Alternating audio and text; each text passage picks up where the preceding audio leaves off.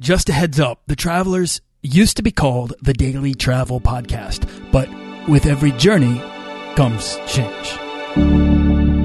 This podcast is produced by Holocene, a community of creative travelers. If you want to get serious about planning that next trip, writing that book, starting that creative project, or launching that business, we're breaking down the barriers between where you are where you want to be together at joinholocene.com. That's join, H O L O C E N E.com.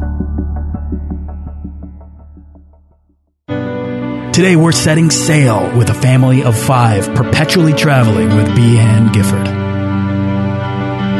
You want to travel further and more often to visit new places and meet new people and expand the role that travel plays in your life? I'm your guide, Nathaniel Boyle, an explorer that wants to help you get out, see the world, and find meaningful, life changing experiences. Everyone wants to be adventurous and have great stories. To do the stuff of legend, this is the Daily Travel Podcast. Today's free travel resource is going to be my own ebook, The Beginner's Guide to Points and Miles. And I wrote this because I felt like there weren't enough sites out there paying attention to the people who felt overwhelmed. So I put together 10,000 words. That's 40 pages on how to get started traveling for as close to free as possible. This podcast is about crushing the things that prohibit us from making travel a bigger priority in our lives. And cost is at the top. Points and miles are the best way I know to get over that hurdle and become an explorer of the world. This book is yours completely free at dailytravelpodcast.com. Having spent a life learning to sail, Behan Gifford lives on a 47 foot sailboat with her husband Jamie and three kids. Since 2008, when they left their home on Bainbridge Island, which is one of the two residential islands off of Seattle. Uh, currently, the Gifford family is cruising Southeast Asia after enjoying Mexico, the South Pacific, Australia, and Papua New Guinea. If it's not already apparent, the Giffords homeschool on the boat while also giving their kids the greatest education there is travel. And for anyone interested in sailing, homeschooling, or traveling more with a family, uh. Writes about their experiences in a helpful way on her blog, sailingtotem.com, which is full of resources and guides to create a life of travel in this particular style at sea. So, Behan, welcome to the show. Thank you, Nathaniel. I really appreciate being here with the Daily Travel Podcast, and it's a pleasure to speak with you. Thank you. All right, I'm I'm like thrilled to have you on. This is a totally uh, uh, exciting conversation. I think we're about to have because your situation is so unique. It's it's it's different than others. I've had people who are sailors on this show, but very few people who actually are out there with their families on a boat, and that's a pretty unique pressure cooker for uh, pressure cooker of a situation. So I've shared a little bit about you, but I want you to introduce yourself. Take us back to where you're from and how you got started traveling. Um, sure. So my family and I. Um, uh, well, we, my husband and I are originally from opposite coasts, but we settled together outside of Seattle, Washington, and all three of our kids were born there. Uh, travel as an as a way of life for us began initially really just because we were uh, dedicated sailors. I met Jamie sailing, um, actually out near where you're from, Nathaniel. Um, we were cruising um, in or racing at that point in Long Island Sound on boats off the coast of Connecticut and used to run up to race on the Charles River all the time when I was a collegiate sailor. There you go. Um, yeah. And when I met Jamie, he had um, been sailing far longer and far more competitively than I had. He was professional uh, level. And I had the wanderlust, uh, having grown up partly overseas. I finished high school in Taiwan and had traveled a lot in Southeast Asia um, around age 20, 21. Um, and so the two just kind of fell really neatly together, and we knew it was something we would do someday. And that amorphous someday was just always pretty far out there. Um, and we were very, very busy in sort of subsequent years with, you know, two careers and kids and doing all of those things that you're just sort of supposed to do on the wheel, um, you know, right down to joining the right clubs and living in the right places and making sure we're in the right, right school district and boring. uh, um, not that we thought so at the time. It was a great life. We felt like we were living an American dream. And I think in many ways we were. Um, but we just were missing something. And sailing was always there, um, well, I should, that's entirely true. We took a brief break because Jamie is a, uh, just got burned out from sailing so much. Um, because he was But we had this year where, yeah, exactly. And when you're not, when you're not racing always for fun for yourself, it, it can, it, it becomes work and then less fun. 200 plus days a year. Uh, but we had this year where a lot of things happened. Uh, we lost Jamie's mother uh, way too young to uh, sudden uh, cancer onset, and um, and we had our second child. And these inflection points in your life, you know, having a baby, losing someone you love, they really, really make your priorities come into focus. And we were spending an afternoon out on the boat and, and pulled into this beautiful harbor uh, called Port Madison, and, and we're sitting there, and the boat's kind of swaying at anchor you know, we're watching these eagles swoop overhead and our three year old is playing down below and we're sitting with the baby thinking, why, why aren't we finding a way to spin our life around so that we can have this on a everyday basis instead of a weekend and holiday basis? So we sat down that night and we put a five year plan together and, um, it took six years because another kid showed up, but but eventually we took off in 2008, and uh, we've been traveling uh, by boat ever since. Wow. All right. So now that's a massive undertaking. It, it can be, even though Jamie seemed to have the skills and you seemed to have the burning desire and those two things were kind of coming together. And I'm guessing your relationship then took on the characteristics of each of you. So you both started wanting the same, this lifestyle. At the same time, that lifestyle of sailing, of travel, when you're caught up in the routine, that it, it can be really, really hard to not just want it, but to take the proactive steps towards doing it, especially when you have kids. Kids are usually the thing that anchors people down. Um, what was it about you guys that, and was it just your sailing spirit? I mean, what was it about you guys that uh, actually compelled you to make that decision? It definitely wasn't having the sailing experience, although it helps. But I think that's one of the misconceptions about what we do, that it's really important to have the sailing experience. I think it's really important to know that you don't get debilitatingly seasick, but beyond that, you can actually jump into this lifestyle with relatively little sailing experience. Um, it's, uh, uh, I think for us, the real compelling thing was that truly this desire to have time together as a family that here we, would lost someone we love and we, and we can see how quickly our children were already growing. And, um, it was, it was worth making hard choices. And for us setting a date to say, this is the point at which we want to leave, and then using that uh, as our kind of our, our pole star for every decision that we made made it not too difficult after all. I think if you don't have a date, it does get a lot more difficult. But when you do, well, you're not going to take that vacation because you want to put that money into your savings account, and you're not going to buy a couch because ah, the old one's fine. Who cares? we're not going to use it in a couple years anyway. Um, it just changes the filter that you have on looking at your everyday existence into one of being more temporary instead of progressive. And I think when you have that sort of proximity to mortality as you did when you lost Jamie's mother, I mean, that can be such a reminder of this life being that one opportunity to go and do the things that you want to do while you have the chance to do it, that one chance. Um, so uh, it is for sure. Right? I mean, the boat that we were sitting on that evening, we had purchased from a couple who had the dream of sailing around the world. It was a blue water capable boat, but mm. they, and after, after spending a lot of time and effort to outfit it, one of them had a, a serious illness and they had to walk away from their dream. And, and for us, the idea of then waiting until the nest was empty, waiting until we had, you know, the uh, a real savings account, um, suddenly became a lot less important uh, because we had our health, and that was actually uh, uh something that we undervalued previously. So take me through the reality of the situation so that I can understand it and so that anybody listening can understand it. Um, practically speaking, you guys had the skills, um, and you had the boat, but I'm guessing, I mean, like, how did you come to afford the, the, this financially, the decision to, uh, give up whatever you had going on at home and set, set sail instead? It, it is um, the million dollar question, right? Right. Uh, how, how do you pay to do this stuff? Um, and for us, you know, we made some good financial choices and we made some bad ones, and we had some luck in some areas and we had bad luck in others. Um, fundamentally, we just simply saved as much as we could. Of course, in hindsight, I, I look back and I think, oh, we could have saved so much more. it's always the case. you know, why did we need all those dinners out at Casa Rojas?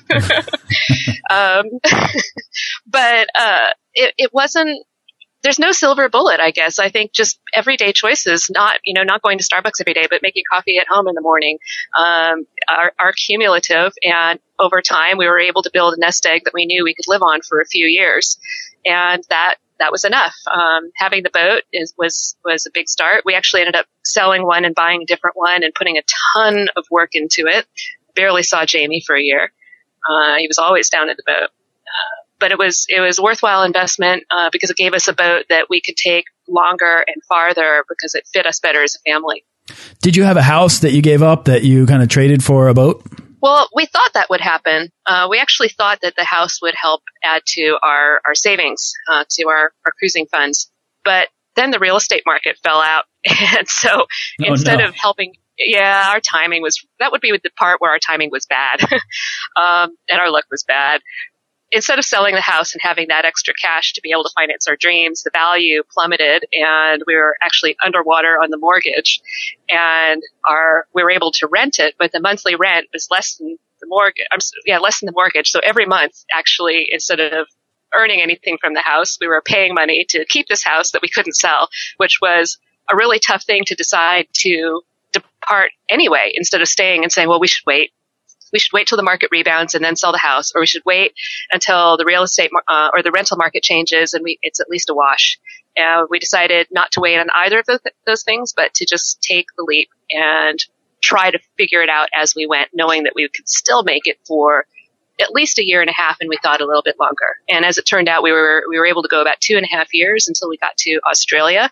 And with a hundred dollars left in our bank account, had my first paycheck from a job in Sydney.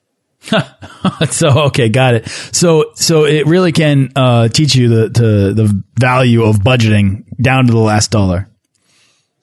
Yeah, it can, I suppose, in, in the prep sense. And, and we're not good about budgeting. We simply just tried not to spend at all. And, uh, you know, maybe it's a little bit of a personality thing, uh, whether it's you give yourself an allowance if you can spend X per month or, or, uh, and that's what works for you, or you just simply try not to spend anything.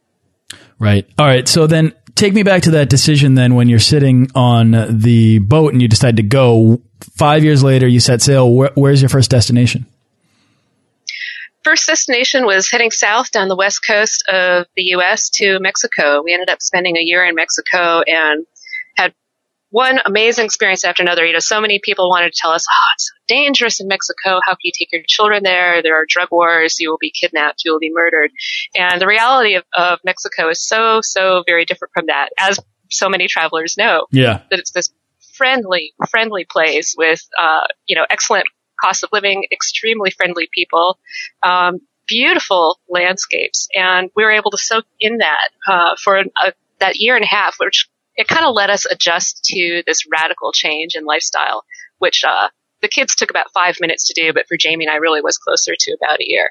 But I'll never forget this moment. It was this. Um, we were sitting in a harbor uh, called uh, Turtle Bay, Bahia Tortuga, and it's partway down the Baja Peninsula. And most boats that are sailing on the outside of Baja pull in there because it's very protected. There's a there's a small village, and and having this um, holy moly, we actually did it moment of uh, sitting on the beach, watching our kids playing in sand pools, trying to, uh, you know, play international language of truck that all little boys speak with kids they shared no common words with and, and thinking, we got to this out of the way place on our own keel. Oh, I can't believe we finally escaped. And that sort of washed over you as if you'd actually you'd actually done it and made it a reality, and that it wasn't this impossibility anymore it was just tremendous. It was overwhelming. You said your five your your kids took five minutes to adjust to the change. Uh, that surprises me. I was going to ask how did your kids respond to this, but I guess they pretty much responded to the adventure of it. They did, and we prepared them for it um, for quite a while. I mean, we knew much longer than we talked about it with them because when you're a kid, everything is so immediate. You, you can't kind of you can't tell them about plans three years down the road. Um, but we did talk about the big trip. Like the big trip was always sort of out there someday. And when the big trip was inside of a year, we started making it more concrete. And we actually had a hallway in our house with wallpaper that is a massive world atlas. And it had a coating on it, so it was like a dry erase board. You could take uh, dry erase markers and circle places and draw a route. And uh, and they they loved that, especially our you know our uh, our oldest, he was nine when we left. That was very, very tangible and real for him to see where we would go. So you more or less, more or less prepared them for it in, in smaller ways. Uh, we did. And then they were also so relatively young at that point that their world revolved around their parents. And, you know, little kids just really want to spend time with mom and dad. Um, when they're older, I think it gets more difficult because they're very much more connected to their peers, to their friends, and not to their parents. And they kind of look for camaraderie and approval uh, outside instead of inside of a family. And it makes it easier to leave with younger children, I believe. How old are your kids now? We uh, now have a 10, 12, and 15 year old. Oh, wow. Okay. And you've been at sea for six years now, right? Yeah, more than six years. It's hard to believe. Yeah, that's unbelievable. So 10, 12, and 16, so that, or 15, uh, so that means that they were four and nine. Four, four six, and nine. Four, six, and yeah. nine. Yeah. So, uh, that yeah, that's a drastic change. I mean, they're growing up, they're becoming more probably more independent. They're probably getting their desires. I'm guessing a 15 year old starting to think about, hey, I kind of want to learn to drive, right? we keep expecting it, and he would like to learn how to drive, but at the same time, he's actually really invested in uh, his identity as a boat kid and a traveler. And we fully expected that right around now would be the time that we would stop traveling for a while because this uh, continuing this depends on everyone being happy. And if someone is not happy, we have to reevaluate. And I really thought that a teen would want to be in fixed high school, um, but our son does not. He's very much a traveler, so we get to buy a little more time. All right, so now since you mentioned school, we'll go right into that because that's one of the two, I think, two big things with raising kids on a boat that come to mind. It, one is schooling and the other is safety. Um, but homeschooling obviously is gaining a lot of popularity. I have people come on and talk about it every once in a while on this show, which is more conversation than I've ever had about it in my life. Um, but I guess it's not such an impossibility anymore. I mean, how, how did you find homeschooling to be, first of all, a reality, and second of all, something that you would be able to have the patience to do on a boat? I worried about that more than anything. I worried about that more than storms and pirates and big seas. And I wasted a lot of energy worrying about it. Um, because it really isn't that complicated, partly because, uh, we're, we're able to carry our world with us in more than a 50 liter backpack. Um, we have this boat, which is our home, which has lockers and storage bins and, and room to hold books. We have, I mean, we have a full set of encyclopedias, like the books, not just a, uh, a, CD, you know. Um, and so we're able to have a lot of resources that they can use for learning. Uh, that make it so much easier. And and with homeschooling too, there there are so many kind of philosophies and ways of approaching it. That the scariest part for me was just figuring out which one worked for us. And it's simply hard to do that until you're actually in the thick of it and doing it yourself. Um, you know, and there's there's no one right way, I think, um, and it varies by family. And it, for us, it was a bit of trial and error to see what was the right balance between free learning and structure, and then how to build the right materials around that to support our kids. So, how do you feel confident that your kids are progressing academically uh, at home on a boat as opposed to going through school and being, I guess, I mean, you're kind of out of touch with your kids when they're in school and you're just like you're just trusting the system more uh, instead right. of actually controlling the system. Right. I love that you've immediately come around to that because that's. Did exactly I just answer it. my own question? Because I just, uh, I just had a realization well, that I never thought of. no, you kind of did, but it, it's absolutely true. I mean, we we tend, I think, in uh, a, a, typical land-based life, a fixed life, um, to pass that responsibility off to others. And actually, there is nobody who is more invested in their child's education, in their future, in their learning than a parent. And so we're able to stay quite dialed into where they are. Um, and it's very easy to touch base with documents uh, that different, you know, whether it's documentation by state on what kinds of things should they be learning and doing at certain ages and grades, um, and and we can reference those and we and we pull on them because we don't use a, a correspondence school type curriculum where you get like you know, eighth grade in a box. That's not that's not our style. Um, and then there was just the practical side of when we got to Australia. Um, they homeschooled the first year because it was complicated to go to school in uh, in New South Wales, but they attended school for about half a year in Queensland. So seeing how that worked for them, and um, and it worked quite well actually. They they were able to slide in with uh, the age group they would have been in back at home, and uh, they were well ahead in many ways and and it's and behind in others you know and none of it that gave us really any pause for concern but mostly said yep yeah, yeah kids are all right so do you think that there are things that this is a, a, bit of an obvious question, I think, because they're traveling. So let me let me uh, let me refine this question. Do you think that there are things that the kids are learning academically uh, that you're teaching them that uh, kids in school are not learning, and then vice versa? Do you think that they're missing out on things that kids that are going to school are picking up on that that your kids might not be? Well, I'll start with what they're they're missing out on. I guess they're missing out um, truly. I think on the team activities. Those are simply harder to do. We can't put them on the travel soccer team. You know, it's hard to ha- be a part of the theater production. Um, we just can't, we just can't do that. right. Uh, they they often find ways to bring it out in other other uh, ways with their friends. Uh, the kids got together with probably six or seven other kids and did a production of The Wizard of Oz on an island about six months ago, and it was fantastic, complete with building the set and costumes and everything. It was it was terrific. Um, but it's you know and completely kid driven with kids from probably age six to eighteen. Um, but it's a little different than being a part of a show and having someone with theater training and drama training and memory. You know, it's a little, it's not quite the same in some ways. But I really feel like that is uh, is not a very big price to pay for the other opportunities that they get, which is like, the easiest way for me to, to, to explain it is is when you, if I ask you, uh, Nathaniel, to think back on like your middle school years, the days that you learn in school are often the ones where your your normal patterns are disrupted. And think I think of it as the field trips, right? When you go out on a field trip, whatever that seventh grade field trip was, probably pretty memorable. And whatever you did in school every other day that year is maybe not quite so memorable. And we have the chance to go on a field trip just about every day where there are immediate experiences that they are able to learn from. Um, and their learning can be very connected then to these changing places around us, whether it's spending hours and hours underwater, exploring a coral reef, coming back, um, looking up uh, the different types of animals that we've seen, understanding how they relate to each other, learning the biology and ecology of the reef.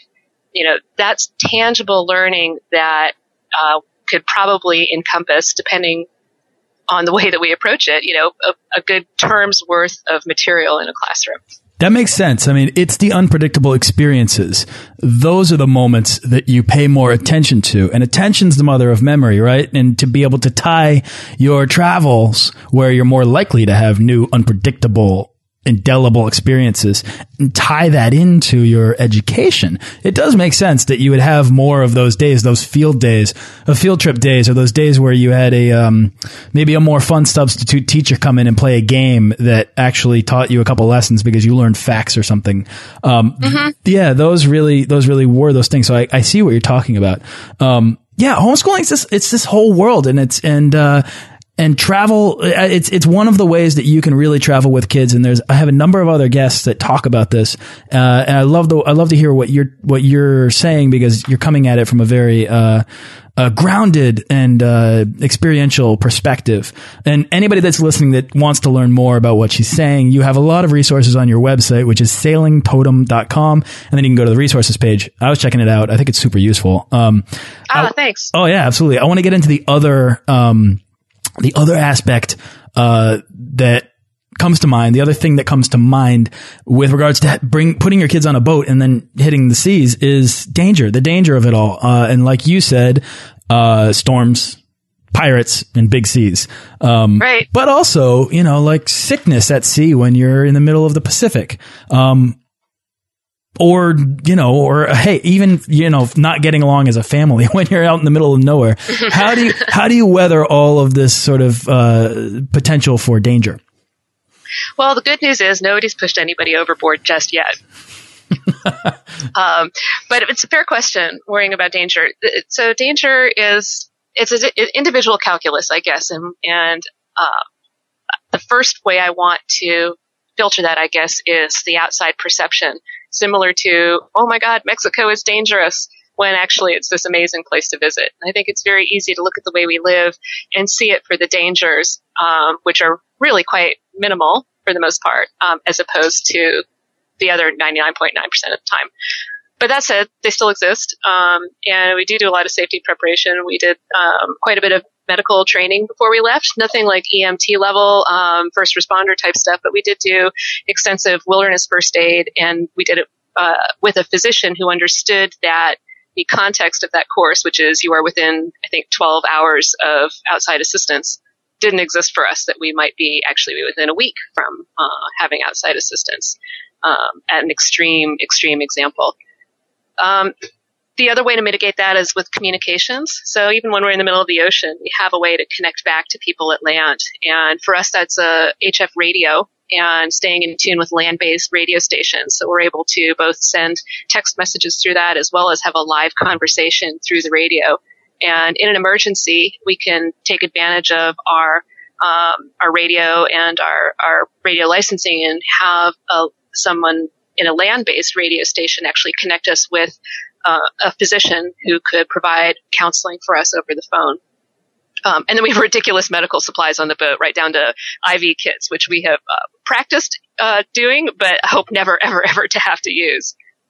Uh, so there's one side of it, I guess, and and then there's the storms and pirates bit. Uh, that, are you curious about that?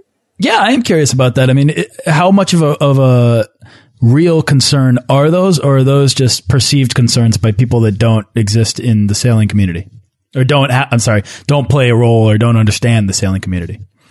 I think where the disconnect happens in their perception from the outside and their reality for people who living it is that they're uh, fairly easy to avoid. They absolutely exist, but they are, for example, with piracy, uh, there's pretty good information about the areas which are danger zones for piracy uh, for boats like ours. And we simply don't go to those places. We will not go across the Gulf of Aden off of Somalia up the Red Sea um, because I don't think that's safe. The piracy off of the Horn of Africa is still too prevalent.